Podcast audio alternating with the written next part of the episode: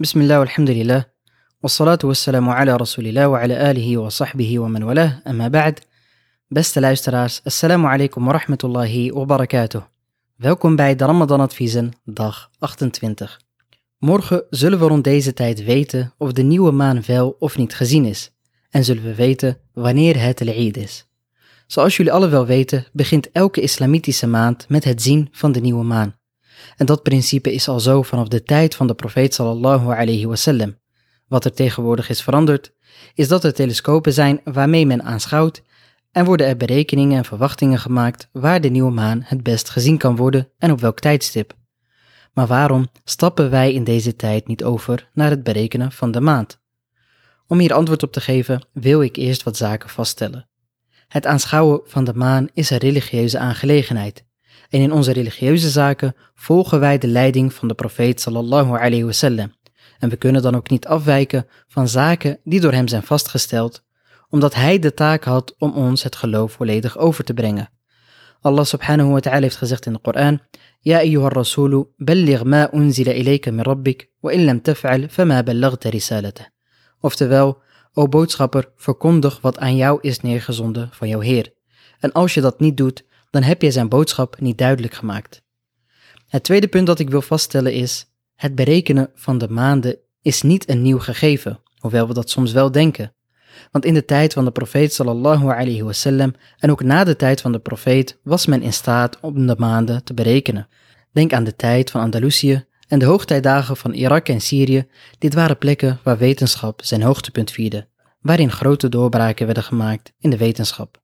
Desondanks is de islamitische gemeenschap niet overgestapt op het berekenen van de maand. Een derde punt is, het geloof wordt bepaald door de Koran en Sunnah en de consensus tussen de islamitische geleerden. De profeet sallallahu alayhi wasallam heeft gezegd, mijn umma zal zich niet verenigen op dwaling.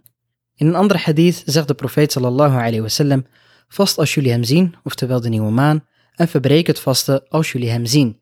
En als er wolken tussen zitten, maak dan Sha'ban 30 dagen af oftewel als jullie de nieuwe maan niet kunnen zien.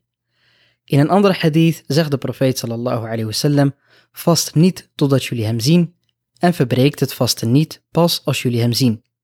En als laatste, de uitspraak van de profeet sallallahu alayhi wasallam, wij zijn een volk ummiyin. Wij schrijven niet en berekenen niet. En de profeet sallallahu alayhi wasallam bedoelt hier in het bepalen van de maand. Deze hadith laten twee belangrijke punten zien. Allereerst de profeet sallallahu alayhi wasallam benoemt hier het zien van de maand expliciet en dat het vaste verbonden is met het zien van de nieuwe maan. Dat betekent dat hier een bevel in zit. Vervolgens in de derde hadith verwijst de profeet naar de mogelijkheid en de aanwezigheid van berekeningen en dat het geloof deze vorm niet gebruikt. Dus het geloof wijkt bewust af van deze vorm om de maand te bepalen. Vervolgens zijn jullie bekend met de verschillende wetscholen in zaken van islamitische jurisprudentie in de zaken van al fiqh. Al deze wetscholen hebben het islamitische consensus vastgesteld dat de maand slechts bepaald wordt door het aanschouwen van de nieuwe maan. En dit is al in een vroeg stadium van de islamitische geschiedenis gebeurd. Dus het is onmogelijk een vraagstuk opnieuw te bekijken als hier al consensus over bereikt is. Als laatste zijn de wetenschappers die de maand berekenen zelf niet in staat om tot een consensus te komen. Zo zie je onderling verschillende resultaten. Dus hoe kunnen we afstappen van de profetische leiding en dat vervangen door iets waarover men het niet unaniem over eens is?